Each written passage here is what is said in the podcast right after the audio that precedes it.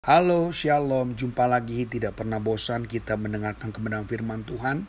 Tema hari ini bicara tentang melampaui kekuatanku.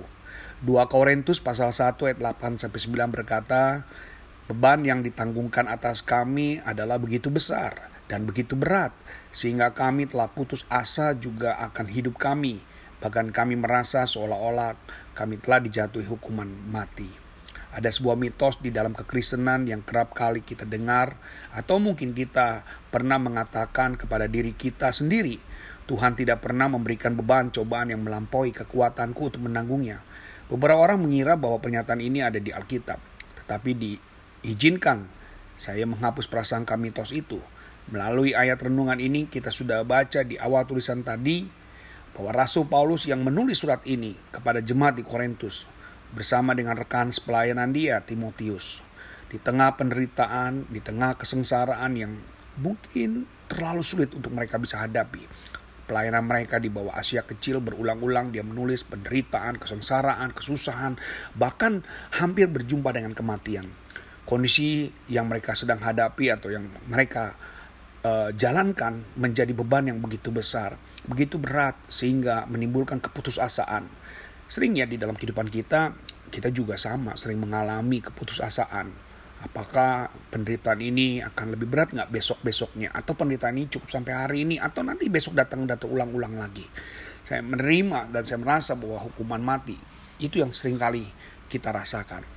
Mari dengan apa yang sudah mereka sedang hadapi, dengan apa yang mereka saat ini temukan, memang keinginan atau kenyataannya memang begitu berat. Kalau ada orang yang pernah mengalami keadaan putus asa, kalau orang pernah mengalami kekurangan, ketika orang mengalami dalam masalah kesehatan, krisis hubungan dan tekanan psikologis yang sangat tinggi, sosiologis dan ekonomi, itu uh, kita tahu sering kali mengganggu sekali untuk orang-orang itu tetap bisa bersyukur kepada Tuhan atau mereka tetap bisa berdoa kepada Tuhan. Lalu Paulus berkata bahwa dia mengalami semuanya itu tak kala ia sedang melakukan kehendak Tuhan. Bayangkan saudara, sedang melakukan firman Tuhan, sedang melakukan pelayanan kepada Tuhan, tetapi justru bukan hal yang baik yang mereka dapati. Ada banyak kesusahan dan kesulitan. Untuk mentaati firman Tuhan, ya dalam hidupnya akan jalan yang begitu dia ikuti penuh dengan rintangan-rintangan dan godaan. Nah, bila kita telah mengalami perasaan yang sedemikian, yang seperti yang dialami oleh Rasul Paulus, maka ada baiknya kita jangan sendirian, saudara kita butuh komunitas untuk menguatkan kita. Kita butuh penolong.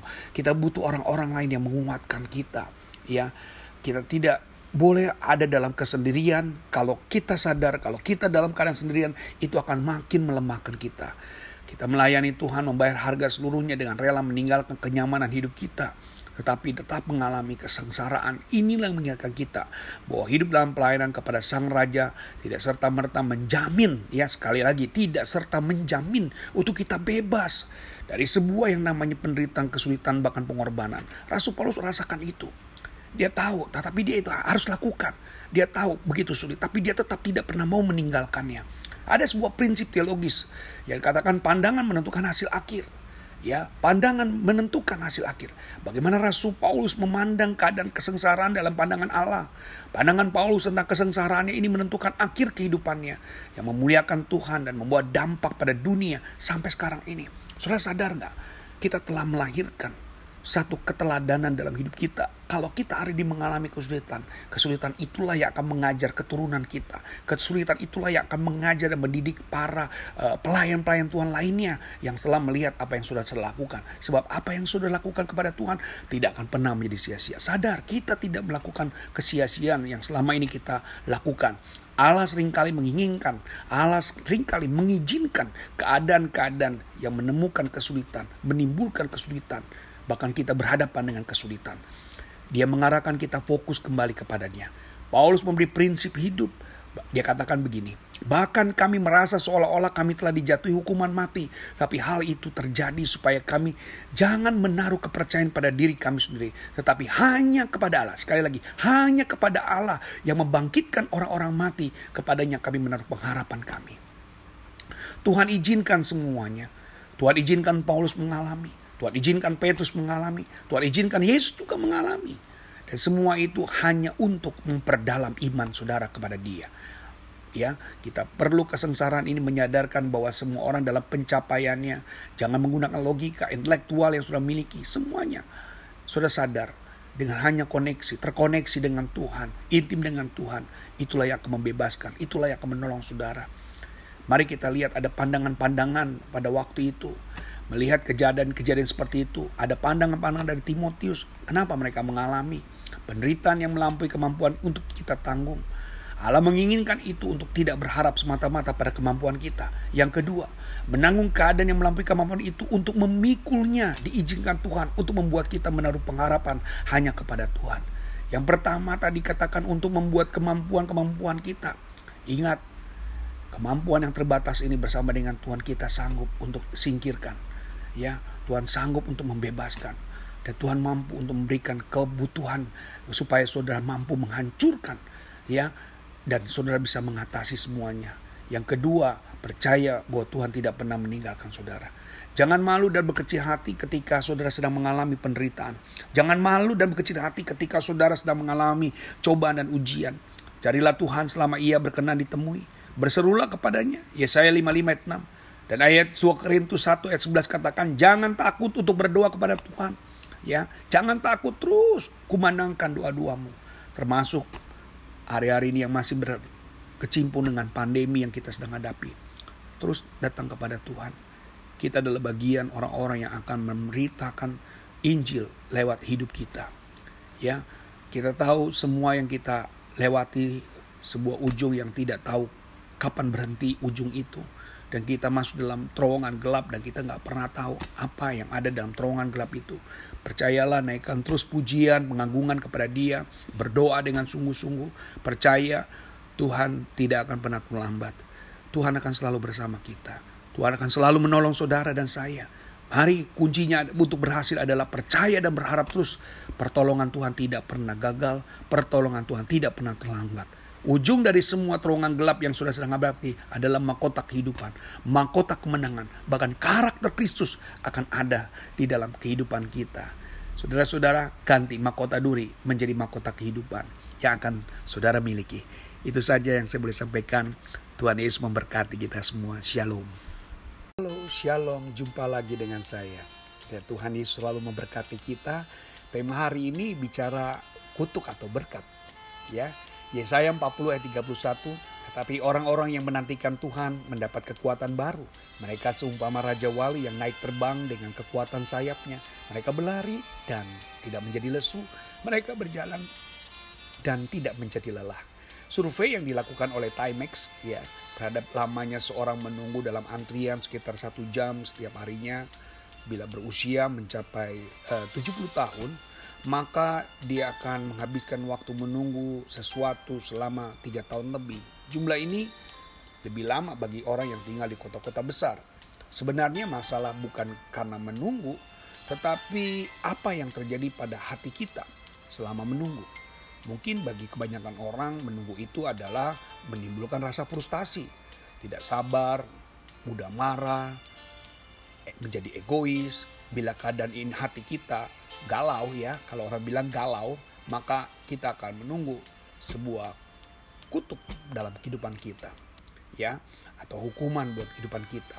Yesaya menyampaikan janji firman kepada bangsa Israel yang baru terjadi 100 tahun kemudian.